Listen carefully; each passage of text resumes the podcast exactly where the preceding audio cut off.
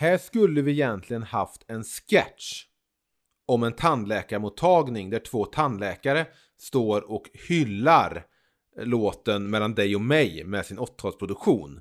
Men det stoppade vi för vi vill istället upplysa alla om att Peter Lemark idag släpper en ny singel, eller hur Tony? Ja men precis, det är två låtar han släpper. Eh, den första, A-sidan om man får säga så. Så länge det regnar. En outtake från albumet Det som håller oss vid liv Det vill säga skivan vi precis har avhandlat här i podden Och den andra låten Innan snön faller ner Som är en outtake från Kärlek i tystnadens tid Som vi ska prata om i nästa avsnitt Vilken av de här två låtarna är din favorit Emil? Ska vi göra så Tony att jag räknar ner från tre och sen säger vi båda vilken vi tycker är favoriten så ser vi om vi tycker samma eller om vi tycker olika. Ja, vad kul. Tre, två, ett. Innan, snön faller ner. Ja, men vad kul. Jag tycker, det, jag tycker bägge låtarna är fina men just den här doo-wop pastischen eh, Innan snön faller ner tycker jag är extra trevlig Jag gillar sådana här låtar som handlar om ensamma förlorare som sitter i barer och drömmer om kvinnor de inte kan få Kanske för att jag själv varit där så många gånger Ja, det är väl sådana människor som när de börjar närma sig 40 startar en podcast. Nu Tony, så unnar vi oss en vignett. Oh, låt mig höra den en sista gång Spela hennes älsklingspodd med Peter LePaul Oh,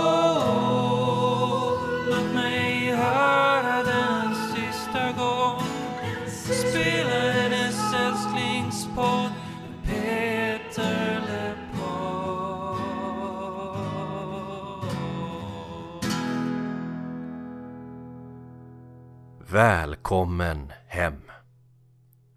Jag heter eh, Tony Savela och eh, med mig så har jag som vanligt Ja, Emil sitter ju här då, som vanligt. Ja, som vanligt sitter Emil här. Och eh, som vanligt så lyssnar ni på Peter LePod Podcasten om Peter Lemarks eh, album och karriär. Och eh, min första fråga till dig Emil är Vad ska vi prata om idag? Idag ska vi då prata om skivan som följer det som håller oss vid liv. Andra skivan på Columbia, vilket är 17 sånger. Lemark sjunger Lemark. Skulle du räkna det här som ett av hans studioalbum? Ja, och det görs det väl i diskografin, men det är klart att det skaver lite. Det är en liten udda fågel i samlingen. På gott skulle jag säga På gott att den är lite udda Ja, jag lägger ingen värdering i det så. Men mer bara att eh, det är ändå nyinspelningar av låtar. Eh, så det är ju inte ett komplett studioalbum på, i, på det sättet man brukar tänka ett studioalbum. Ja men exakt, det här är väl en, en coverskiva på honom själv Min bild av den här skivan är att den tog väldigt stort utrymme där 2005 när den kom. Att den var en happening. Har du någon minne av att det här var en happening 2005?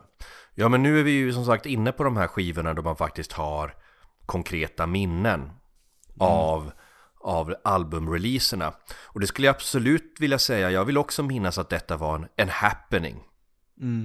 Att det var, jag menar att det var någonting man, man läste om i tidningar och tv Folk sa så mycket och eh, det var väl just det här med att han hade gått in och, och spelat in sina låtar på nytt Något som känns som att det var lite halvpopulärt där Första halvan av 00-talet En intressant sak är ju att när vi pratar om bok med blanka sidor så nämnde vi att det var Peters första gång han hade hamnat på eh, första plats på försäljningslistan där. Första veckan med den plattan. Men både det som håller oss vid liv och denna dök ju in på första platsen och låg där i två veckor. Ja, och jag undrar om det har att göra mycket med att, att redan här så var skivförsäljningen inte vad den hade varit Nej, Och Peter har en äldre målgrupp som fortfarande köpte CD. Precis, precis det. Det jag tycker, och när vi ändå pratar äldre målgrupper och så råkar också den målgruppen kanske stämma överens med dig och mig Emil vilken skiva var det som puttade ner 17 sånger från dess första plats? Det skulle jag i normala fall inte kunna gissa, men jag vet att du har nämnt det och därför är det väl Rolling Stones. Ja, deras eh, album A Bigger Bang. Som var den där skivan som egentligen som alla Rolling Stones album innan dess eh, fick det här epitetet deras bästa sen Tattoo You. Det vill säga, men i det här fallet så tycker jag faktiskt att det stämde att det var den första Rolling Stones skivan på länge som faktiskt var bra. Jag, jag tycker att det här är en skiva som är lite både spännande och svår att prata om och att bedöma eftersom att det handlar om så mycket material vi har hört från förr. Så att det känns ju lite grann som att få sitta och lyssna på en livespelning. En livespelning där han tolkar om gamla låtar. Och på så sätt så blir det en, en väldigt trevlig och intressant stund. Med många väldigt fina tolkningar. Men eh, till stor del så känns det ju inte som att man får eh, någonting helt nytt. Peter beskriver ju både bookletet till den här skivan och även sin bok snarlikt eh, anledningen till varför han valde att göra den här plattan. Ehm, och han beskriver väldigt målande. Eh, jag kan ta det från bookleten. När man lyssnar igenom skivor från den tiden, 80-talet då, han syftar på Välkommen Hem då, både mina egna och andra, eh, blir man chockad över hur det bitvis låter. Oskyldiga låtar byggs ut i tanks med larvfötter. Det är syntar i surround som anfaller från alla håll. Det är 20 kanaler med enbart gitarrpålägg. Det är fläskiga körer som för tankarna till fotbollsläktare och t-shirts med texten Öl byggde denna vackra kropp. En tanke med den här skivan är- har därför varit att rehabilitera låtar som på ett eller annat sätt blivit misshandlade. Att helt enkelt ta hem dem igen. Ja, det finns väl några inspirationskällor som har nämnts till detta. Dels så är det väl eh, Johnny Cash, American Records. De här Rick Rubin producerade eh, Johnny Cash och, och gjorde honom till en, en, en man med gitarr. Efter många år när han hade gått vilse i produktionerna. Eh, Även eh, Joni Mitchell, skivan Travelogue, eh, har omnämnts. Där eh, Joni tolkar om sina gamla låtar på ungefär samma sätt med, med symfoniorkester. Och eh, jag har läst i en intervju någonstans att, att han uppmärksammade den skivan efter att hans dotter hade spelat den för honom. Sen så, så eh, planterades den här idén i två slag sen. Dels då när han var med i den här Ulf Hansson-dokumentären som vi pratade om under Det som håller oss vid liv Finns på YouTube. finns på YouTube.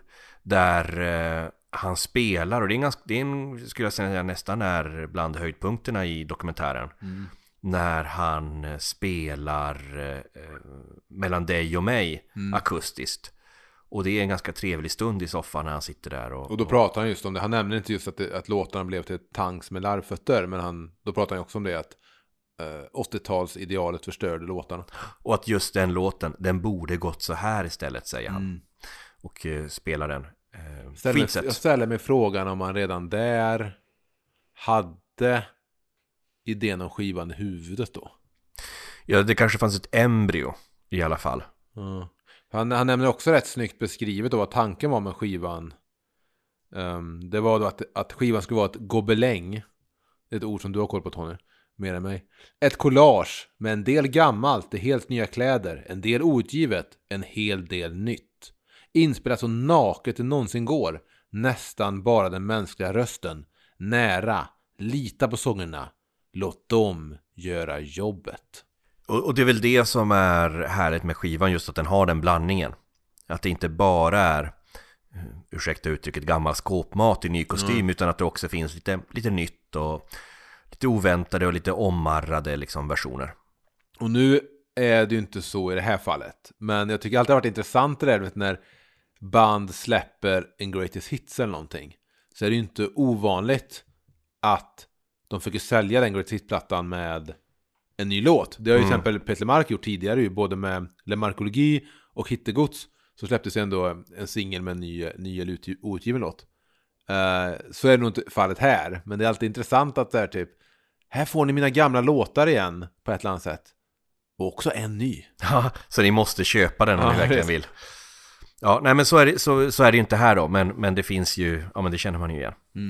Eh, Jag tycker det är intressant det här, eh, då som sagt det här Johnny Mitchell-konceptet att han eh, spelar in gamla låtar och sätter dem i, i ny kostym. Det finns ju andra som har gjort det också. John Prine gjorde en skiva som heter Souvenirs från 2000.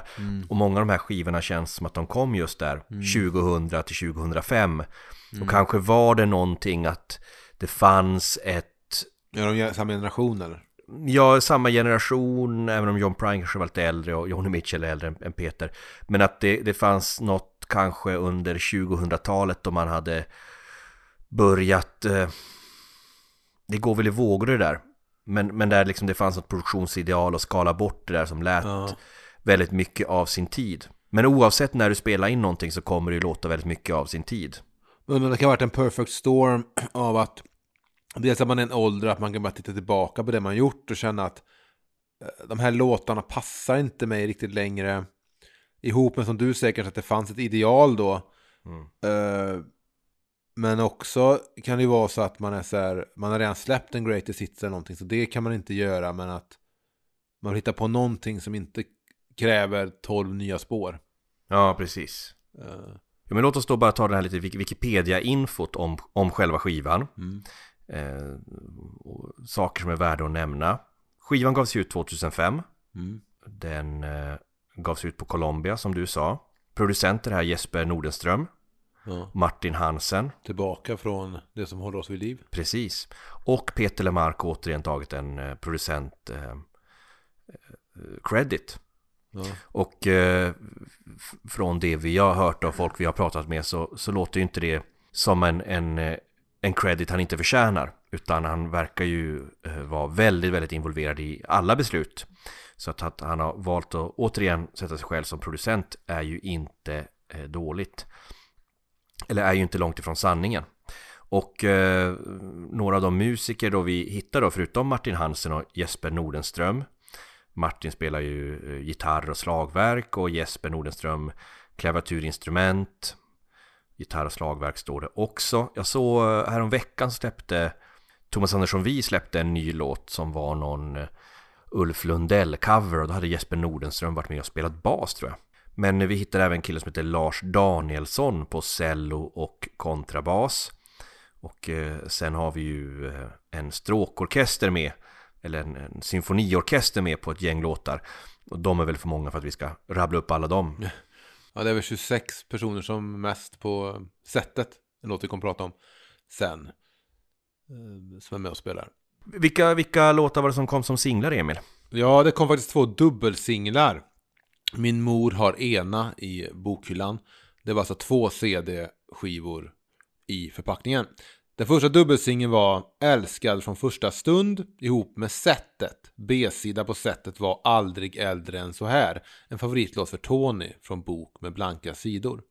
Den andra dubbelsingeln var Marias kyrka ihop med Vänta inte till gryningen när du längtar. Där B-sidan var Under en måne som en silverpeng. Sen kom det också en promosingel som var Håll om mig. Det är ju eh, intressant med de här låtarna då som jag antar spelades in men som fick hamna som B-sidor istället. Och kommer kanske diskuteras i ett framtida avsnitt. Mm. Förhoppningsvis. Ja. Det, det är ett ganska eh, fint eh, skivomslag, Emil. Ja, jag tycker det är ett av de där, ett av de riktigt ikoniska Lemark-omslagen och i min mening ett av de snyggaste. Jag undrar dock om det känns ikoniskt just för som jag sa att man var lite med när skivan kom och det kändes som att det var rätt, rätt stort. Den syntes väldigt mycket. Det kan vara så att den bara syntes liksom i hyllan hemma. Eh, Men när han i början av 2005, Peter då, ligger hemma och lyssnar på slaskmixarna till den här skivan. Han har varit och spelat in och nu är han hemma och lyssnar. Då nämner han faktiskt eh, för sina fans att han precis har tittat på skivomslaget. Och han beskriver det så här. Som om detta inte räckte, det vill säga att han lyssnar på sina fantastiska låtar som han spelat in. Så visade Carl Magnus Boske, parentes, record cover designer deluxe, fram ett frontcoverförslag, parentes, så heter det i branschen, parentes, i förra veckan som knäcker det mesta. Minns ni vinylplattorna? Frågetecken. Dubbel LP-omslagen? Frågetecken. Fold out covers? Frågetecken. Say no more.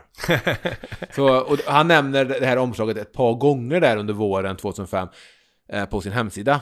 Och nu när det är ett omslag som Peter verkar rätt stolt över så eh, passar vi på att ta ett snack med då den här record cover designer deluxe. Håller du med om den beskrivningen? Ja, om, om deluxe betyder att jag gör mycket skivomslag så stämmer det. Och, och särskilt då, alltså 2004, 2005. Eh, jag hade ju egentligen, det var ju det enda jag gjorde, var ju Mm. skivomslag. Jag hade ju jobbat som, eh, mitt första jobb efter jag gick ut eh, Bergs var som inhouse-formgivare på skivbolaget EMI. Eh, och där var jag i två och ett halvt år och började göra skivomslag och så ja, fastnade jag ju i det där. Så jag gjorde ju inget annat än jobbade med musikbranschen. Och jag jobbade med Lundell har jag jobbat med sedan 93, Winnerbäck sedan 97, Gessle, Lena Philipsson, Eldkvarn. Så under de två åren där, eller två och ett halvt åren så eh, ja, framförallt var det ju Lundell som jag började jobba med redan. Det tror jag var bland mina första skivomslag jag gjorde var eh, Maria kom tillbaka med Lundell. Um, var det så att, eh, ja, hur- sen har, ju det, har det ju fortsatt.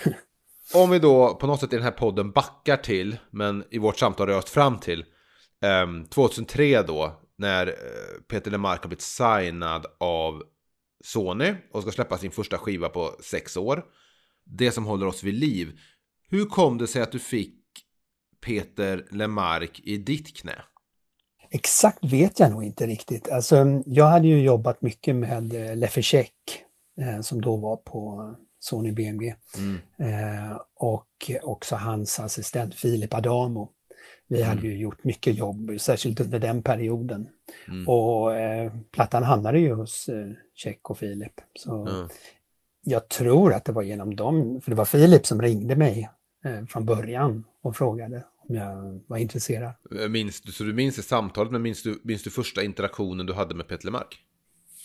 Ja, jag tror inte vi, vi hördes nog inte per telefon så där, utan vi, vi möttes vid första, ett första möte helt enkelt på, eh, jag tror det var i Nordhansen-studion i Bromma. Men minns du hur det samtalet gick då? Och hur, och väl hur ni kom fram till idén bakom omslaget?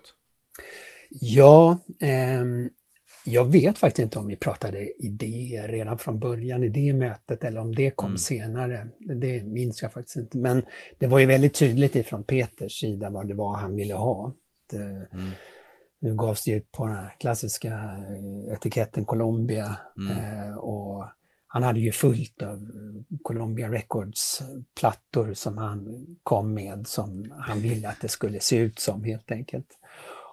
Och jag var ju, måste jag säga, jag var ju rätt skeptisk till det. Eh, Det där var ju någonting som gjordes rätt ofta och särskilt att eh, artister kom släpandes med sina Blue Note-plattor och att de ville ha någonting som såg ut sådär. Så Det som håller oss vid liv, var, inspirationen även där? Gamla Blue Notes? nej, nej, nej, Nej. det var det inte. Men det var fortfarande det 50-60-talslooken och alla hans gamla skivor som han hade växt upp med som var inspirationen där. Just det, Ja. så var det. Så var det. Ehm, Men, men ehm, eh, Peter gav sig inte, han ville ju ha det sådär då. Och eh, jag förstår liksom, jag förstår hans, liksom den här känslan av när Mm. man sitter på golvet med skivomslaget i LPn och med, att man håller med bägge händerna. Och den liksom känslan att det är den man vill ha eh, Mm. i, i sitt eget skivomslag. Så att det köper jag. Sen hade vi, eh, han ville också att det skulle, att omslaget skulle se sådär nött ut, att pappret skulle vara lite gultonat och kanterna skulle vara lite nötta. Men, men där satte jag faktiskt ner foten och sa att nej, så ska vi inte göra för att det blir så otroligt eh, pastischigt på Ja. något sätt när man eh, försöker efterlikna även liksom tidens tand. Han köpte det argumentet jag hade att när skivan var ny så var den ju inte sliten.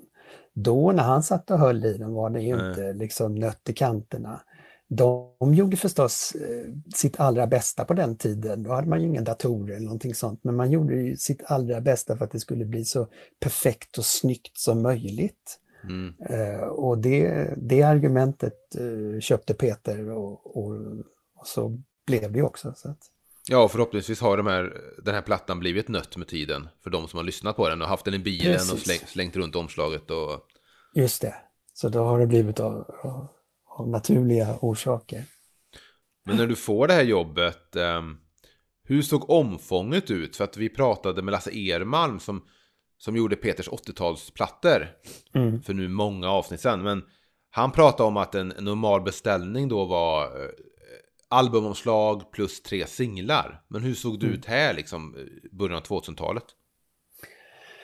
Jo, men det var väl ungefär där. Ehm, men och det som håller oss vid liv, det som gjordes där var ju de där supergulliga eh, minisinglarna. Alltså det, vi tror jag vi gjorde två eller var det tre stycken, alltså små CD-skivor. Ja, jag vet att det kom, det kom många sådana, det finns även format där folk släppte liksom singlar som de var som stjärnor eller de var i olika former Just och det. sånt. Så det ja, ja, ju- precis. Som man var livrädd för att stoppa i CD-spelaren. Ja, Nej, men eh, helt riktigt. Och men de, var, de var så gulliga de där. Och eh, jag har kvar dem fortfarande. Väldigt fina. Och, men de var digipacks och så ambitiösa. där Man kunde öppna upp dem med liksom, mycket bilder och då, som gick att få plats på den där lilla ytan. Vi fick ju till och med trycka guld på de här digipacksen och det Ja. var ju eh, långt ifrån eh, standard. och då det guld, det är då någon PMS-färg som trycks på eller? Just det, precis. Sen två år senare kommer man då släppa den här skivan 17 sånger. Mm. ehm, som vi har pratat om här precis i våran podcast. Kändes det naturligt att du även fick det uppdraget? Eller minns du någonting om hur du fick det? Om det kom som en överraskning? Nej, jag tyckte vi hade haft ett jättebra samarbete där eh, 2003 och jag kommer ihåg att vi hade väldigt roligt och det, det kändes som att vi hade ett bra samarbete så att det, det kändes rätt naturligt att jag skulle fortsätta att jobba. Var du med på de här, eh, typ, nu har vi sålt guldfesterna och sånt? Eh, ja, ja, det var Då är man ju ändå inbjuden på något sätt i kärnan av... Ja, jag har guldskivan till och med från första plattan. Den hänger in i, ja, på min gästtoalett. Så jag ser den varje gång jag sitter där mitt framför mig. Ja, ja, ja. Finns det en bättre plats? Inte. Har du den, eh, har du den Frank Zappa-posten uppsatt också när han sitter på toaletten? Nej, det har jag inte. Det borde man kanske. Um, Okej, så det känns ändå naturligt att du, att du även fick uppdraget då Ja, på andra. Sony-plattan. Ja. Eh, minns du hur, vad han kom med där då, Peter? det var ju samma sak där. Vi möttes återigen på Nordhansen-studion. Eh, och eh, han pratade om, Peter pratade om varför han skulle göra den här plattan och på vilket sätt. Och, eh, jag vet att jag då första gången hörde hans eh, berättelse om den här tandläkarstolen. Mm. eh, som, som gjorde att han kom till skott att göra den här eh, omarrangerade plattan. Mm. Och så fick vi lyssna på en del och jag vet att jag redan när jag satt där slogs av fantastiskt vackert eh, det var. Mm. När det är sådana klassiska låtar och, så är det ju förstås otroligt känsligt att ändra och vrida på dem. eh, Men jag tyckte det bara kändes som det är ju så här det ska vara. Liksom. Det här var ju liksom, kändes mer som originalet. Och 80-talsarrangemangen hade ju inte riktigt överlevt eh, liksom, tiden. Och det är då han kommer med den här idén att det ska kännas lite så här Blue Note Records-aktigt. Ja. Deras jazzplattor där som... Ja, precis. Så det var ju, eh, och hela den här 50 och 60-tals-eran av, av hur skivomslag såg ut på den tiden, den estetiken. Kom han även här och sa typ, och jag vill att det ska vara nött, Ja, just söndrigt. det. Ja, ja.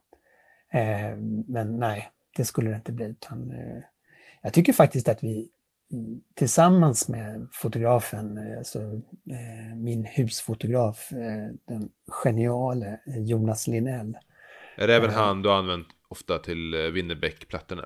Ja, han har varit med hela min karriär. I, i mitt tycke Sveriges bästa fotograf. Eh, han, eh, med hans bilder, särskilt då som vi, vi plåtade ju dem, jag tror att det var i Nordhansen-studion. Ett tag så tänkte jag att det faktiskt var i Atlantis vi plåtade. Så jag vet faktiskt inte. Han, jag, tror att han, jag tror att han för mm, inspelningen var uppdelad i två. Ja, Så jag för mig, jag kan ha fel, att andra delen av inspelningen, han spelade in typ fyra till låtar eller något sånt där. Då, de spelades in i Atlantis tror jag. Ja, för jag vet att vi hade möten i alla fall i Atlantis. Ja, någon av studierna i alla fall så Mm. spelades det in och, och eh, det gick helt enkelt till så att eh, Jonas gick runt och plåt, eller Peter gick runt och satte sig och spelade på olika instrument och Jonas eh, följde med och jag sprang runt med eh, spotlights. Eh, Mm. det var ju väldigt lite ljus i de här studiorna så att eh, vi ville ju bara få lite ljussläpp bakifrån så att man Mm. kunde ana silhuetterna. Eh, och det är ju extremt konigt eh, allting för att det var så lite ljus. Men med de bilderna och den här eh, designestetiken så tycker jag faktiskt att vi fick ett väldigt eget och, och lustigt nog rätt modernt uttryck i alla fall. Ja, men då hade ni ändå med det idealet in när ni var där inne och fotade. För, för jag får känslan, även om jag ser att det är i studio, omslaget och så, Mm. så får jag ändå den där känslan du vet av rökig jazzklubbs foto du vet som man har sett på de Blue Notes skivorna. Ja, så är det. Och vi, vi hade ju ytterligare en grej som vi hade hittat, jag och Jonas, som vi tyckte var så himla rolig, som vi har använt på många olika plåtningar. Och det var små, små rökpuffar. Mm. Så man kunde liksom puffa lite rök i, i lokalen. Mm. För att just få den där liksom, eh, ja, jazzklubbskänslan. Ja, ja, ja okej, så det syns ju tydligt i spotten här. Ja, I ljuset. och, och det som var, man, man kan ju ha en sån här hel rökmaskin, men det kunde vi inte släpa runt med där då, utan vi hade bara de här handpuffarna. Och ibland så blev det liksom just en puff. Det blev inte sådär snyggt utspritt så att man fick liksom slå i luften för att slå sönder röken så att den spred sig på ett snyggt sätt. Men jag tror att det är Peter som har nämnt att han var runt och letade upp gamla skivor i, i skivbutiker och sånt. Mm. Kom han med liksom, här är ett gäng Ja. skivor, plocka det du behöver från de här. Ja, precis så gick det till. Det var bang på bordet så här. Mm. här härifrån ska vi liksom inspireras. Ja, för det är ju ändå väldigt många grafiska element också. Det är mycket så här, eh, loggor på omslaget och det är stereo f- fidelity och sånt. Precis, alla ramar och pilar och allt sånt där, de attributen eh, skulle vara med. Och inget av det där fanns ju så att jag fick ju alltså, rita om och göra nya original även på de gamla Colombia-logotyperna. Det fanns inga original utan det fick jag sitta och rita om. Det hade jag faktiskt en fråga om. eh, För att på de här eh, skivomslagen då. Både till Det som håller oss vid liv och på 17 sånger och framåt så är det ju de gamla Columbia-labelserna från deras eh, vinylskivor då. Mm. Eh, och då hade jag faktiskt en fråga om det fanns mallar som ni fick skickade till er då från Sony eller om du fick sitta och rita dem. Ja, nej, jag fick scanna in alltså omslagen, eller de där lablarna och sen rita om dem i Illustrator helt enkelt. Ja, ja, ja. Också för att det skulle bli, tyckte jag, sådär perfekt. Inte att man liksom använde det lite trasiga inskannade utan jag ritade om det och gjorde det så snyggt som det gick. Sen baksidan här då som också är väldigt ehm, Blue Notes. Ja. I det här att det står en text om artisten. De här liner notesen som Ja. eh, Gradvall skrev, det var ju också en sån där, eh, det skulle ju göras. Eh, det hade ju Peter liksom väldigt tydlig med att det skulle göras på det viset. Försökte du få plats med hela texten?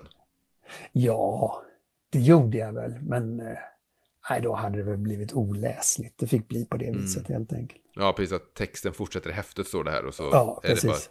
Jag tycker det är lite roligt någonstans. Så, ja, lite interaktivt. Man, Mm. du får vända bladet, titta på andra sidan. Eh, om det här även hade fått ett vinylsläpp då där 2005. Då gissar jag ändå att hela texten hade stått på vinylen där bak. Självklart. Ja. Ehm, Ja, nej, men vi får väl verkligen hoppas att de här skivorna ges ut på vinyl. Jag, jag står redo i startgroparna och ja, jag tänker varje gör, gång. göra om dem, eh, både 17 sånger och, och eh, det som håller oss vid liv.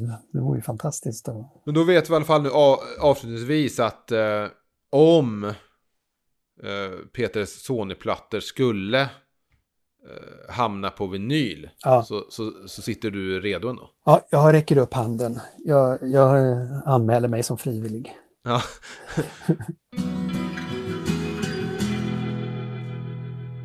ja, vi, vi tackar Carl Magnus Boske som eh, sitter med handen uppräckt. Eh, samtidigt som vi nu, Tony, ska ta oss igenom det här albumet. Vanligtvis så brukar vi ju gå igenom låtarna rätt kronologiskt från, från A till Ö. Men eh, det finns kanske inte lika stort intresse att göra det för att många av de här låtarna har vi pratat om förr. Hur mycket kan man prata om vad vägen handlar om? Jag tror inte man kan prata nog om vägen, men eh, jag, jag tänker också säga att det jag inte vill fastna i den här diskussionen, någonting som jag tycker är ganska ointressant, det är att prata om vilka versioner är bättre än originalet och vilka, vilka låtar var bättre i sina original. Jag tycker ju att charmen med en sån här skiva är ju som sagt som att det känns som att man sitter och lyssnar på en, en livespelning där artisten tolkar om materialet. Och att eh, vissa låtar kanske inte kommer ur sina föregångares skuggor medan vissa låtar står sig starkare. Det kan vara värt att nämna liksom några av dem men men det jag tycker är liksom mest spännande och intressant det är liksom vad är det som händer med de här låtarna när en 20 år äldre röst sjunger dem. Någonting jag har tänkt på gällande det. Hade det inte varit coolt om man tagit det ett steg längre och även skrivit om verserna? Ja, någon... eh, Ja, det kanske man kunde ha gjort också, men... Du, Det är det för, att- finns för att någonting anpassa där, dem va? till, till nutida ålder, eller? Alltså jag kan gilla sånt när låtar ändrar skepnad med att Mm. sångaren mo- mognar eller ändras. Men hur som helst. För då har vi ett gäng då kategorier som de låtarna på den här skivan kan fångas in i. Dock lite efter tycke och smak. Det ska bli väldigt kul att höra hur du har valt att dela upp de här. Mm. Och eftersom du sa det här att du inte vill prata om bättre eller sämre så ger jag dig första kategorin som är de definitiva versionerna av låtar. Och här har jag satt in jag vill säga att vi frånser de nya låtarna, de kommer komma sist. Så de skulle också kunna passa in här. Men de, där har jag satt in Mellan dig och mig och Kort vals till min älskare. Men där håller jag med. Där är det låtar som mår mycket bättre att komma i den här kostymen. Det tror jag de flesta tycker. Jag tycker verkligen att Mellan dig och mig har hamnat rätt med det soundet. Återigen, det här pratade vi ju lite grann om när vi gjorde Välkommen hem avsnittet, vilket nu känns som 200 år sedan. Men- just det där att jag tycker inte att det är något nödvändigtvis fel i att låtar låter av sin tid. Nej. Alltså vissa låtar kan verkligen Eh, Man ska ta låten för vad den är och inte, och inte för vad den inte är. Mm. Men mellan dig och mig är ju den låten som redan på skiva Det är den enda, det är den låten som har åldrats sämst vad gäller till produktion. Även det, Rolf Wikströms uh, gitarrsolo. det är väl synd att det, det, just det inte är med här. Det är väl väldigt fint. Nej men... eh, Jag har faktiskt tänkt på det att fan det hade kunnat ligga ett mer smakfullt gitarrsolo även här. Av Rolf eller av någon annan men... Mm. Ja.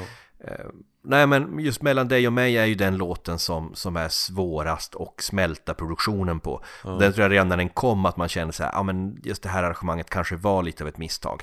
Ja, och det, jag tror inte det bara är det, Jag tror diskrepansen blir också stor i att den här versionen är så, så stark. Jag tror också det är för att det är den här låten som ligger till grund till, skiv, till skivan. Som du nämner Mm. så är det den han sitter och spelar eh, på i den här dokumentären. Så att han har ju då tänkt på att fan det kunde gå så här. Det är även den låten som han nämner då spelades på eh, Svenska klassiker, eller vad radiostationen hette, som spelade när han låg hos tandläkaren. Och var tvingad att bli attackerad av sin egen låt. Och då började tänka på, men fan den kan jag arrangera så här istället.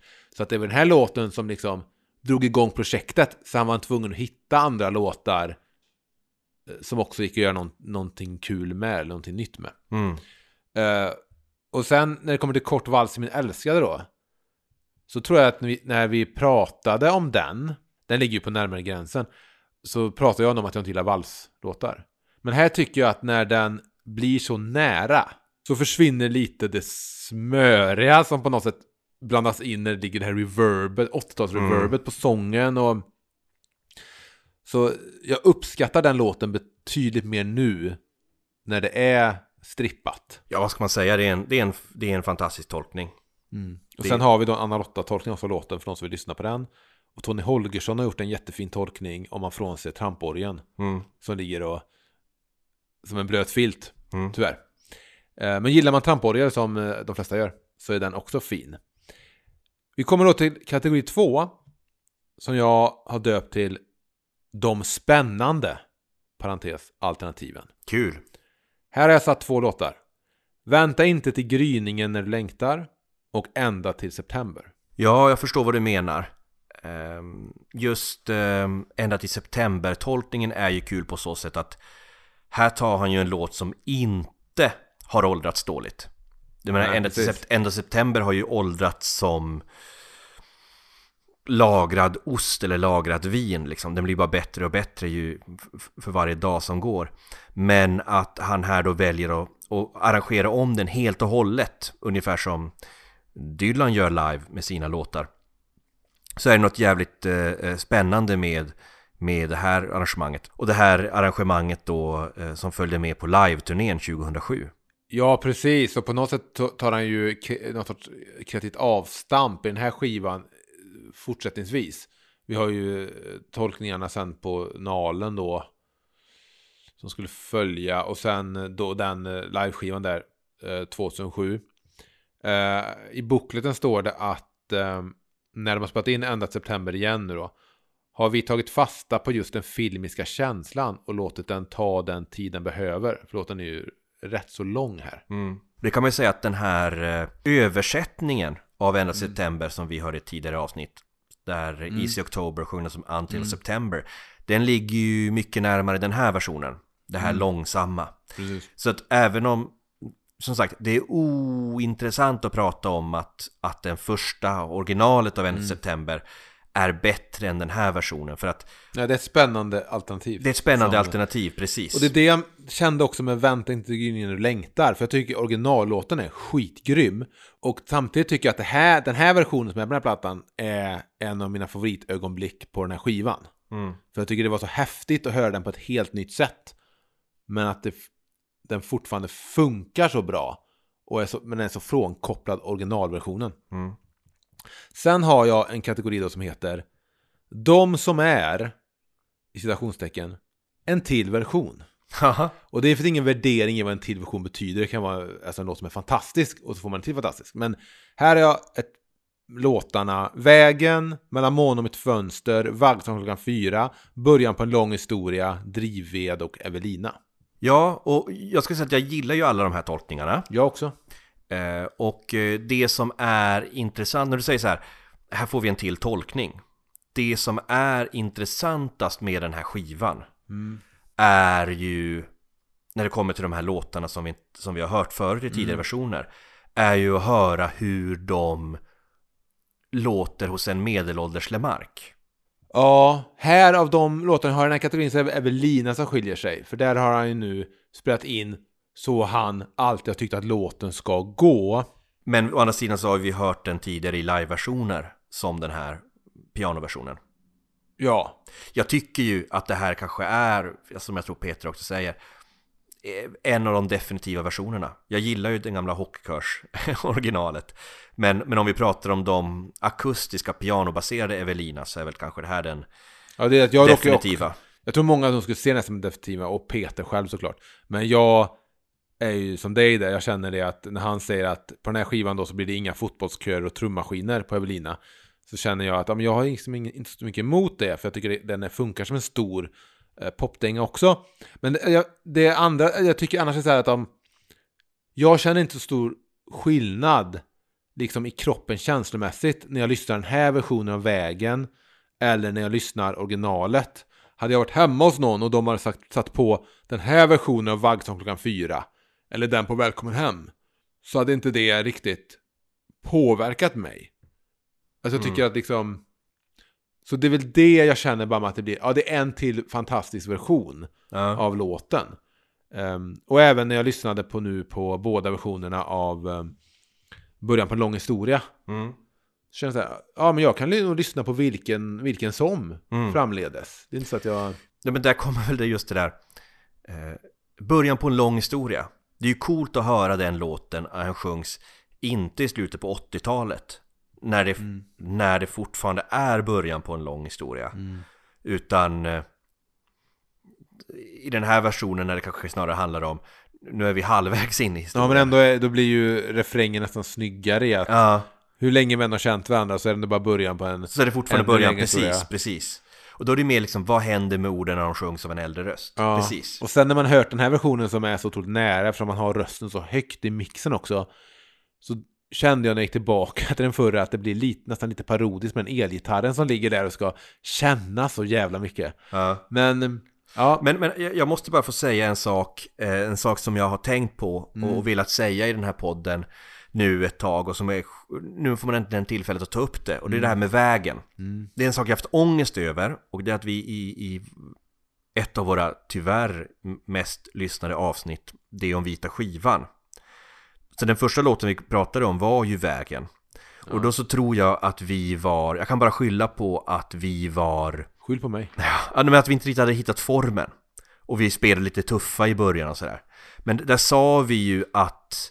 vi- Alltså vi var lite halvdissiga mot vägen. Vad var det? Ja, vi sa något i stil med att så, här, men det här är nog inte liksom folks favoritlåt Det och... skulle aldrig hända igen. Nej, nu när man har intervjuat alla som pratar om Ja, att visst, här, både Urvis och Thomas Anton Vi två veckor i rad hävdar att vägen är typ det bästa som har hänt sen vitt formbröd som Peter Mark själv skulle säga. Ja, och, och är det någon låt som, jag menar för det första, det är en jävligt bra låt. Vi måste bara säga hur helvete bra vägen är.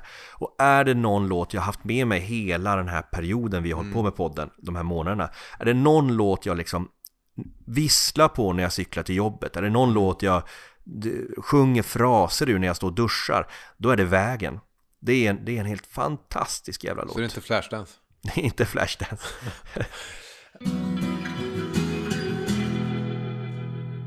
Då kommer vi till nästa kategori som är de udda parentes inkluderingarna. Här har jag satt, eh, jag hade satt brev från en bakgård här men det kommer vi prata om sen också. Men här satt Håll om mig och Fyra steg i det blå. Men Håll om mig så kä- känner jag alltid, och det kan ju vara att jag är en generation, att jag är 80-talist och att Håll om mig har jag aldrig hört spelas på radio och sånt. Mm. Jag har en känsla av att det är en sån det låter som att ja, men den får vi inkludera också. Men jag känner att jo, men den är nog inte en sån evergreen som det ibland utmålas som.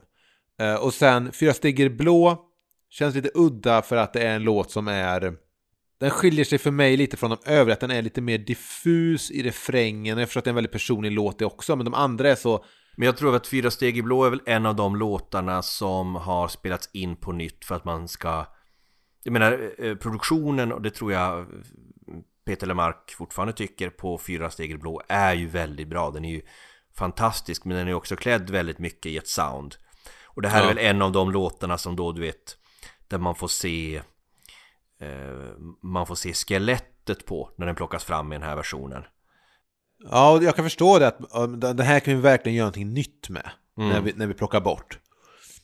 Eh, men det är bara att jag tycker att den blir lite mer diffus än de övriga. Men sen den här versionen, när den går igång där, går igång med orkestern i början, så får jag tankarna förs till ett James Bond-tema från typ Connery-tiden, Sean Connery-tiden. Jag, börjar, jag känner så här, okej men när börjar Shirley Bassey sjunga? när, går, när går hon igång här? Men så istället Peter. Och vad har vi för kategori sen? Sen kommer vi då till de nya. Äntligen! För det är de här jag sett fram emot att prata om. Ja, ska jag lista dem först? Och sen tar vi dem en och en. Gör det! De nya låtarna på den här skivan, och nu ligger de faktiskt kronologiskt då hur de kommer. Älskad från första stund. Marias kyrka. Handens fem fingrar. Sättet och brev från en bakgård. Är det något jag vill säga samlande om dessa låtar så är det väl att det är rätt fräckt att han kan plocka fram dels nyskrivna låtar, låtar som andra artister har spelat in och låtar som har liksom legat och skräpat i någon demolåda i tio år. Ja. Och att jag känner att de kan mäta sig med i princip alla andra låtar på skivan. Ja. det är ett otroligt starkt låtmaterial som man fyller på med. Och man blir nästan så här. För, för mig så hade han lika gärna kunnat fått kutta bort Håll om mig. Eller Vänta inte till gryningen eller någon av de här andra låtarna som har fått en, en uppdatering. Och, och plockat upp flera demolåtar och spelat in liksom versioner på dem. Eh, för att eh, det, det, det är jävligt häftigt att höra de här nya låtarna i den här uniformen. Liksom det inte finns någonting egentligen ofta att jämföra med. Av hans tidigare inspelningar. Eh, nej, de två helt nya kan man säga. Den, den, den, låten som är helt ny, ny för skivan är ju då uh, Marias kyrka som vi kommer komma till sen då. För den skrevs ju under inspelningen av den här skivan. Mm. Och sen uh, Älskad från första stund. Som, ja, vi kan ju starta med den då. För Ja, den, precis. den skrevs ju år 2000 då. När han satt i eh, den här poddens vän Gomes kontor och skrev. Eh, Men eh, kom inte med då på eh, det som håller oss vid liv. Beviset för att den inte passar där är ju att, lite kanske att vem av våra experter förra veckan skulle vi ha pratat om den här låten? Ja, precis. Det jag tänker på den här låten är att i den här låten i refrängen så nämner han ordet jorderund. Mm. Jag googlade det och det verkar som att det är i princip ett Lemark-ord. Ja, Kan vara så att det kanske har dykt upp i någon gammal dikt han har läst. Han har, han har. Men det är intressant också att ordet jorderund dyker upp på den här låten och även på Handens fem fingrar. Ja och det är kul för jag har en, en eh, eh, jag har också fått en tanke kring det där. Alltså Peter skriver ju själv om den här låten så här. Prinsessan av September är självklart min dotter, men jag vill inte hävda att texten handlar om henne. Låten beskriver snarare de känslor jag upplevde när jag under hennes tonår såg den vilsenhet och förtvivlan hon gick igenom. Hur otillräcklig man som förälder ständigt känner sig. Och även fast, fast de här låtarna, den här och Handens fem fingrar, är förlagda i motsatt ordning, alltså o- kronologisk ordning, så känns ju den här som en uppföljare på Handens fem fingrar Ja. för mig. Och vi ska ju prata om Handens fem fingrar sen, så att nu, nu blir det lite bakklaff här. Och, och just det här återanvändandet av ordet jorderund Att det kopplar ihop låtarna. på, på något sätt att det blir ett bevis för att det finns liksom en rak linje från punkt A till punkt B. För Drivved och Båten över som handlar om sonen. Mm. Där är inte jorderund med. Så jorderund är mer kopplat då till dottern. Who knows? Vi har ju pratat om vissa ämnen i Peters texter. Och föräldraskapet är väl ett av de ämnena vi inte har pratat så mycket om. Vi har nämnt det. Men vi har ju pratat om det här med liksom att man, man har fått följa barnen växa upp i låtarna. Ja. Och här har liksom ett av barnen eh, blivit tonåring. Ja. som, som vi tidigare har mött som, som nyfödd på något sätt. Eller som, som litet. Ja. Och det finns ju det här temat han då eh, har, har sjungit om tidigare. Det här om att, och, både om att känna sig otillräcklig som förälder Ja. Och, och liksom inse att man bara är en, en människa som ska, du vet, försöka göra sitt bästa. Ja, båten över är ju väldigt... eh, Precis. Men också det här med att, att man, man ser sin egen oro i en ny generation. Ja. Det finns ju den här textraden Är det jag som lärt dig att måla dina orosmoln? Ja. Är det mitt fel att du känner så här? Har du, har du ärvt mina demoner? Ja. Och det där tycker jag är något som är eh, skithäftigt Det har jag ju pratat om tidigare och det, det var ju något Ett ämne som också berördes exempelvis i Drivved Jag tänker nog mest så här, hoppas inte mina barn ärver mitt hårfäste. Det är nog inte det värsta de kan ärva från dig Emil Nej. Nej, det är det jag kanske inser nu när vi sitter och pratar. Ehm, har du sett Ikeas reklamkampanj som de döpte till Där livet händer? Nej? Det finns en film i den till exempel, om jag ska friska upp ditt och lyssnarnas minne. Det är en tonårsdotter som skriker och har sig på en pappa som står så här uppgivet och bara vet inte vad han ska göra. Och så eh, slår väl dottern då igen dörren till sitt rum. Och pappan sätter sig bara då på en Ikea-pall, pris 99 spänn. Och väntar bara utanför. Och hör dottern skrika och bara, vet, tills hon kommer ut igen och bara...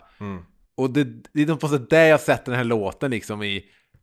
Där livet händer. Att det, det är så här typ, okej, det är i den Ikea-verkligheten som det här utspelar sig.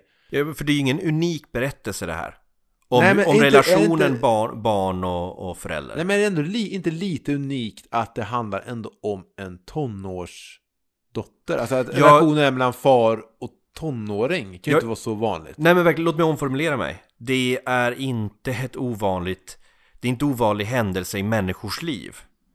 Men det ovanliga, eller det är inte en ovanlig period i människors liv på olika sätt. Eller ovanliga känslor föräldrar känner.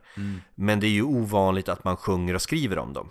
Jag har nog aldrig hört någon som handlar om så här förälder tonåring.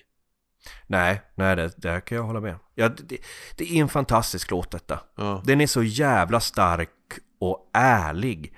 Och det finns liksom inte en...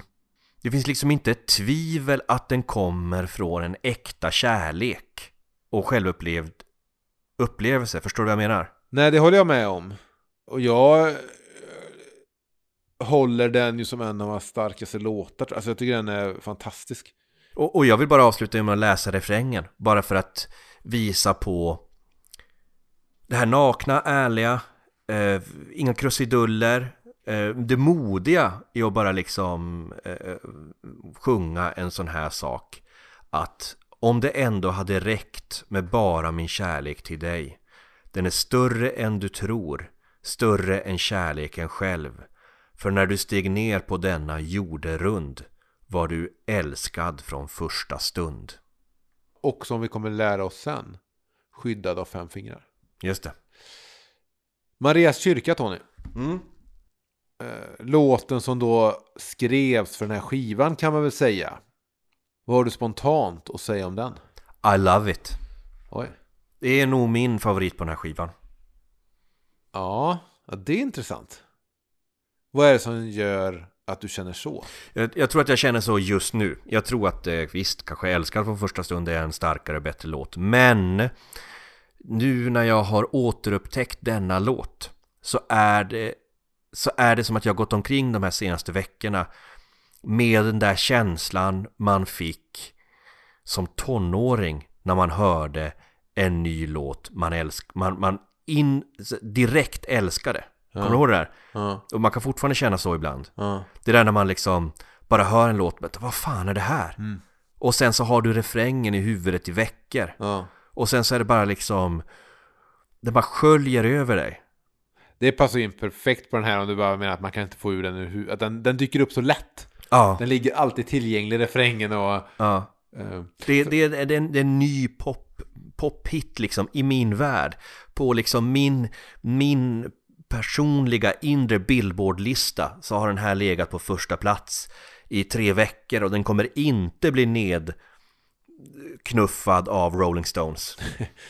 Den blev ju till i alla fall när då eh, en person som heter Filip Adamo på Sony var hemma hos Peter och de drack vin. Och då säger Peter att jag lät hon kika i min röd titelpärm och sa kaxigt. Peka på en titel så skriver jag sången. Och då har han då pekat på en titeln Marias kyrka. Eh, Peter säger också att han troligtvis, troligtvis blivit inspirerad av filmen Vi som älskade varandra så mycket. Eh, Jag tycker att låten är lite lik Skönt att finnas till. I att någon äldre speglar sig i ung kärlek. Mm. Här, då, i då är det att han ser ett ungt par gå där ute. Och här hittar du en fotoremsa Mm. med någon gammal kärlek. Mm. Och liksom minnen sköljer över en och upplevelserna av den här, om hon nu hette Maria då.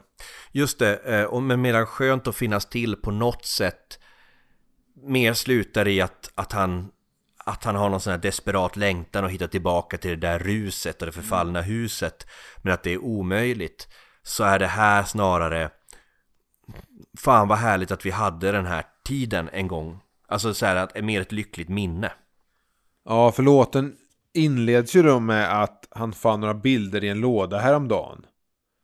Eh, två amoriner i en fotoautomat. Eh, jag fick slå upp amorin vill jag säga. Och det är då en kärleksgud i barngestalt. Men sen avslutar han ju då med att eh, en evighet, det är en lång tid det. En evighet kan vara en söndag i april. Eller två ensamma människor på en suddig bild. Vissa böner når aldrig himlen någon gång. De blekar bort i en pappkartong. Jag ser några bilder från en fotoautomat och är glad att jag ändå har fått känna hennes smak. Så att det startar och slutar med då den här fotoremsan från den här fotoautomaten. Och vem har någon gång inte varit i en fotoautomat Mm. tillsammans med någon man älskar? Ja Nej men det är, det är skithäftigt. Det är den här härliga glädjen över att en gång ha fått smaka denna kärlek liksom. Det är kul, Mauro Scocco har ju en låt på sin bästa skiva eh, Titelspåret där, Ljudet av tiden som går Som också börjar med att han hittar ett gammalt foto Då väl det fotot på honom och Plura tror jag En annan kompis till den här podcasten eh, Som, eh, ja men det här gamla fotot väcker minnen och sådär.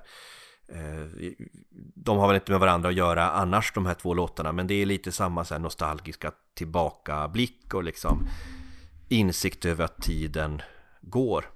Det är fint, jag jag tycker refrängen är så fin att ha varit inne i Marias kyrka Att ha sett någons innersta att, Ja.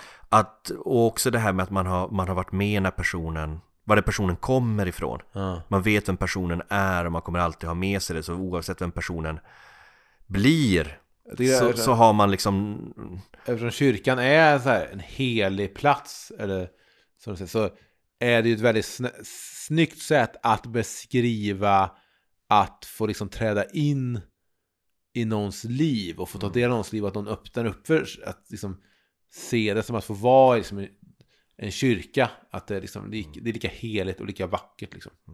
Det var ju intressant det här som eh, när vi pratade med eh, Malena, prästen eh, Vad hon sa om Marias kyrka Jag funderade på en grej här, för jag lyssnade på Hundåren i helgen inför det här. Och när han berättade om att han eh, var i Jakobsberg, där typ, var det, 82 eller 83, ungefär när jag föddes. Ja, Jakan, där jag liksom är ifrån. Och den där kyrkan där jag var med i ungdomsgruppen och fick mitt prästkall heter Maria kyrka. En fråga då Tony, har du någonsin badat i Gardesanna? Du, det var roligt att du sa det här för att eh, jag har ju gått omkring och tänkt så att ja, men det här är en fiktiv historia och det har inte att göra någonting med Peters egen ungdom Och eh, sen det här Gardesanna ja, jag, Man säger väl Gardesanna? Alltså jag trodde ju att det här var en typ biblisk plats Alltså typ Getsemanes sjö. Men det är det ju inte. Jag har sagt, jag har ju vattenfobi så jag har inte varit vid så många badstränder i, eh, runt Trollhättan men eh, jag tror den ligger i Vänersborg. Det är det här liksom eh, från, från Lyckorna till Ljung eh, grejen igen. Att Eller mellan Lyckorna och Ljung Att, att, att vi är tillbaka liksom i, i ortsnamn från Västra Götaland. Precis. Eh, Så det gör ju att ändå kopplas lite till Trollhättan som du säger, som det även görs när han nämner engelska hörnan då i Skönt att finnas till. Det jag, det jag också tycker är, är fint Alltså och som också grundar sig i det här Uppväxten i, i Trollhättan Om vi då, han tar bussen till Gardesanna där han badade som barn Eh, Man säger Gardesanna. Gardesanna, ja, ja, jo men jag gillar det mer bibliska uttalet eh, Är också när han, när han återger den här Dialogen med, med den här kvinnan. Hennes händer kunde göra mig religiös. Märk väl, kunde göra mig religiös. Jag är inte religiös men du vet i Marias kyrka så är hon min religion. Eh, Jag var ett barn som väntat på att bli förlöst. Hon sa Jag är sotarens dotter, alla känner mig här. Vi far någonstans där ingen vet vilka vi är och visa mig något jag aldrig sett förut. Jag vill fånga alla färgerna tills de tar slut. Det där kan du bara skriva om du är uppväxt i en arbetarekommun. Jag är sotans dotter, alla vet vem jag är. Det, det, det där är liksom, det där kunde lika gärna varit Kalix. Du är vad din pappa jobbar som på något sätt. Du är, du är bastubyggarens dotter. Då når vi fram till låten som vi faktiskt har pratat om lite, lite och det är Handens fem fingrar. Ja, Peter skrev ju först låten Tänk till Carola. Men eh, Carolas folk på Livets Ord, den kyrkan som hon eh, tillhörde, kanske tillhör, jag vet inte. De ville ändra texterna och sånt. Och sen så skriver Peter Mark sin bok då att det visar sig att Carola var tveksam till låten för att det skulle kunna spekuleras i pressen om hon var med barn, om hon gjorde en vaggsång. Ja, då gav jag upp, säger Peter. Sen hade Mauro Scocco då på en Grammisgala kommit fram till honom och sagt Fan, vi måste följa upp Lisa Nilssons stora jävla succé. Eh, har du några låtar den? Så eh, låten kom istället med på Lisa Nilssons skiva Till Morelia. eh, från 95 tror jag. Eh, ehm, och sen valde då Peter här att spela in den själv också då. Alltså, det- här måste jag ju säga är, vanligtvis så, man brukar säga om Peter Lemark som man brukar säga om Bob Dylan. Nobody sings Lemark like Lemark. Det är ett gammalt eh, klassiskt talespråk. Eh, men jag tycker faktiskt att ett av de få tillfällen då Peter Lemark har blivit slagen på fingrarna vad gäller att, framföra en låt är just Handens fem fingrar. Där tycker jag att eh, Lisa Nilssons version, eller man till och med kan drifta sig och kalla för original, är mer... Eh, ja men den, är, den gör mer med mig emotionellt, jag tycker den är finare. Jag tycker helt tvärtom. Eh, först vill jag bara hocka tag i det du sa om att ingen sjunger Lemark som en Lemark. Eh, det är exakt det som Peter Englund skriver ehm, eh, på hans första Great Hits-samling Hittegods i en text. Att ingen kan göra Peter Lemark som Peter Lemark. Sen vill jag säga att jag tycker att den här låten är underbar och lite likt Marias kyrka har den en refräng som är väldigt lätt att bara hamna in i sådär när man är på väg till soporna, till sopnedkastet eller någonting. Ett demonen, ett... Alltså det är väldigt lätt att sjunga med i. Och det jag har svårt för med Lisa Nilssons version, vill jag bara säga, är att det är en väldigt hård gitarr som ligger i den. Mm.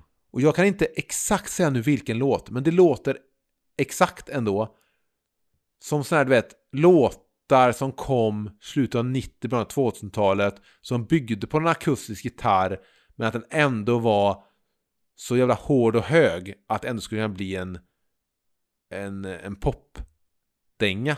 Mm. Jag ville säga så Igla Cherry Save Tonight, men det är fel. Men det kom några låtar där som var väldigt mycket sådär baserat kring akustisk gitarr. Jag tycker att den hårda gitarren stoppar mig lite i hennes version. Men jag tycker att Peters är ett lägre tempo, den är... Ja, man bara liksom dras Det, in. det, är ju en, det är en fin inspelning och jag är glad att den har hamnat på skivan för att den tematiskt hänger ihop som sagt med Älskad från första stund. Ja, verkligen. Men sen, sen borde vi ju till det här avsnittet egentligen gjort ett test. Där vi ser vilken låt som får oss att somna först. Mm. Av Lisa Nilssons och Petter Marks. Mm. Nu har vi inte gjort det testet, så vi vet ju inte vilken som funkar bäst som vaggsång. Du menar att vi ska hitta ett barn som har svårt att sova? Och... Men vi två kan väl... eh, Vad behöver man ett barn för? Du menar att vi, att vi ska pröva på vem av oss som somnar Precis. som ett barn? Jag lägger mig i ett rum Mm. med Petter Marks version. Du lägger dig i ett rum med Lisa Nilssons version. Fast, fast ja, jag undrar om det är en rättvis bedömning i och med att du har liksom grava sömnproblem och jag kan somna, alltså bara av motvind. Ni kan i alla fall, eh, om det är någon småbarnsförälder hemma, eh, pröva på era egna barn. Vilken funkar bäst som vaggvisa för era barn? Är det Peter Lemarks eller Lisa Nilssons version? Och vart mejlar man svaret? till peterlepodd.gmail.com eller skriva det på våra sociala medier. På Instagram heter vi peterlepodd, på eh, det hittar vi också på Twitter och på Facebook där borde man följa oss Ja. Faktiskt. Vad heter vi på fam- familjeliv.se? Ska vi starta en Peterlepodd? Tror du det finns en tråd om Peterlepodd på familjeliv? Eh, Ja, eller möjligt att det finns en tråd så här. uh, Handens fem fingrar, Peter versus eh, Lisa. Ja. Nästa låt är Sättet. Mm. Och det här då som jag nämnde i början att de har... ehm, jag kan ta det med Peters egna ord faktiskt. På min version, till skillnad från Anna-Lotta som vi snart kommer nämna kanske, består kompet av en orkester om 26 musiker. Dirigerad av Hans Ek. Jesper Nordenström har skrivit arrangemanget. Han säger då i sin bok också, eh, för det här var från hans hemsida, men han säger i sin bok då att eh, sättet är en kärlekssång med ett stänk av vemod, en dov klang. Annorta Larsson spelade in den på skivan just vid den här tiden, 1998. Hennes version är fantastisk. En countrydoftande ballad med drag av Neil Youngs Heart of Gold. Jag skulle säga att det är mer än drag nästan. Men, men i mitt huvud var den en italiensk romantisk slager. Här känner inte jag något behov av att jämföra vems version som är bättre eh, i och med att jag tycker att de är så annorlunda. I och med att de är så helt olika arrangerade. Det blir liksom he- helt två olika sånger med två helt olika resultat. Men utan att jämföra då, håller du med Peter själv som säger att Anna-Lotta har gjort en sagolik förut? Men så här lät den fan mig inte då. Evil! Utropstecken. Eh, ja men Peters blir ju liksom mer lidelsefull. Den har liksom större gester och, och ehm, känns ju mer, mer opera om du ursäktar uttrycket. Ja men den, den är ju någonting mer dramatiskt, den är lite mer drama queen. Ja. Medan eh, Anna-Lottas countryballad känns mer så här luttrad och eftertänksam. Kanske lite mer suggestiv. Mhm. Eh, Peters, Peters eh, eh, sättet är ju som en film mer. Den, den känns ju som en, en kunde lika gärna varit ett, ett inslag i en musikal. Det jag tycker om med, med Peters är att den är, em, den är liksom hård. Hans version är lite farligare.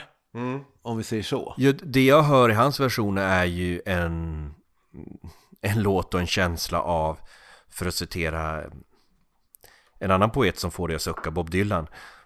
What drives me to you is what drives me insane. Den sortens låt, att det är en, en låt om kärlek som... Nästan lite besatthet mer. Ja, men precis. En, en kärlek som inte är... Lite som en av de där Sharon Stone erotiska thrillerserna från tidigt 90-tal. Just det, just det. Ja, men så här, passionerad kärlek driven till gränsen. Ja. Alltså passionerad kärlek ute på liksom fingertoppen av Och det är handen. det han säger om italiensk slager. Det är väl lite mer italienskt i alla fall. Ja, att det, att det inte är lika självklart som i Anna-Lottas version Nej. att den här kärleken är av godo. Nej, precis. Det finns, ja, visst, det finns något lite farligt eller destruktivt i hans. Men jag tycker om det mörkret som han har. Han nämner själv då vemod och... eh, ja, men jag kan väl läsa då Mm. andra versen här av låten, tänker jag. Där han sjunger. Sättet som du ser mig, bara du ser mig underbar. Sättet som du för mig, dit frågorna saknar svar. Och sättet som du faller och viskar att du inte har någonting kvar. Sättet som en tår gör att jag förstår att vi aldrig någonsin kan vara långt ifrån varann. Men sen så kommer ju den här, det här sticket då att eh, Tvilling kom, Mm. kom till mitt hjärta, lyssna nu, du har någonting att berätta. Att, att eh, även fast det är människor som kanske gör varandra vansinniga så är de fortfarande tvillingar. Att, att liksom samma människa som en, ens tvilling kan också säga sättet som du säger att du aldrig vill se mig Nej, igen precis. någonsin. Ja, och sista nya låten då på den här plattan är Brev från en bakgård. Den är nog rätt gammal, skrevs för 92 någon gång. Eh, när den här skivan spelas in så, så låg redan demon på hans hemsida. Så folk hade ju redan hört den. Det här är en låt jag har satt till den här kategorin udda inkluderingar. Jag tycker det är en grym låt och sagt, jag, vi har nämnt någon gång i den här podden att jag gillar att höra Lemark lite rivig, eller hör höra han arg. Jag skulle kunna se honom mer politisk, han snudd, har snuddat vid det ibland sådär. Eh, men på den här skivan känns det ändå som den här låten är den är ju ändå en lite udda inkludering. Jag tror att den hade stuckit ut på vilken skiva som helst men eh, det är ju en eh, Det är ju en låt som går, kommer ur det här samma mörka hål som Frilejd eller Vad är du rädd för? Och även de låtarna på sina skivor sticker ju ut på sätt och vis. Eller man, man, man blir liksom chockad direkt när man hör en Peter Lemark som är så här nästan aggressiv. Jag, jag tycker att den här är, är eh, precis som de andra för första gången inspelade låtarna eh, svinbra. Jag tycker den här är, är eh, jävligt grym. Och jag tycker att den här demon då som har funnits ute på hans hemsida Trots att den här låten är inspelad tio år efter att han skrev den och efter att han spelade in den demon så tycker jag att Peter låter mer arg och mer passionerad på den här inspelningen än han gjorde på demon när liksom de här känslorna måste ha varit färska. Det är, det är ju en, eh, en låt som inte håller tillbaka på något sätt. Nej, men just 17 sånger versionen är ju lite tamare. Men sen är det ju intressant om vi pratar om demon att det är ett par textändringar som har skett då sedan 1992. Och direkt i början där på 17 sångerversionen sjunger han ju Jag har suttit på din bakgård hela natten Bland en flock kannibaler Jag hör ännu skratten Självlysande av Pepsi-Cola Jag vet inte exakt vad han sjunger i originalet Men jag hör självlysande av Trix och Cola Mm. Alltså Cola som är kokain Mm. Sen sjunger han på 17 sångerversionen Och bland cirkussällskapet i brokiga kläder satt du med tungan mot avtryckaren lätt som en fjäder. På demoversionen sjunger han och bland cirkussällskapet i grälla kavajer satt du med tungan mot avtryckaren och kastade pajer. Och sen är en sista ändring som jag har noterat. Det är att han på då den inspelade versionen på 17 sånger sjunger Du borde verkligen åkt till Hanoi eller Saigon. Det är alltså två städer i Vietnam, Tony. Men på originalversionen sjunger han Du borde verkligen åkt till Phnom Penh eller Saigon. Och Phnom Penh är väl huvudstaden i Kambodja tror jag. Eh, ingen aning. Det vet jag inte om, det, om han bytte ut just det på grund av något mer tidstypiskt. Eh, det känns som att de här beskrivningarna och kanske i synnerhet de här eh, första textversionerna på demon kommer från någon så här bakfylla av kändisskapet. När man omgivit sig av skivbolagsmänniskor eller någonting som har betett sig illa eller liksom han har åkt på en blåsning på något sätt. Och att det är någon sorts bitterhet och cynism som tillåts existera den här natten när han sitter på den här bakgården. Och låter de här liksom starka känslorna komma fram. Och eh, jag misstänker att det är något som väldigt lätt händer när man, när man plötsligt eh, träder in i kändisskapet och man tror att människor man, man litar på är att lita på och så visar de sig vara giribukar. Ser du låten som ett syskon på något sätt till mannen i mitten? Att det är en reflektion på den nya värld han har hamnat i. Den här kändisvärlden, media. Ja men så kan det absolut vara. Och det är lite grann vad det kommer ifrån. Men medan mannen i mitten är lite mer självironisk och eh, vad ska jag säga? Att han, att han tar att han tar det lite med, en, med, en, med ett skratt. Ja, Så är det här liksom lite mer aggressiv.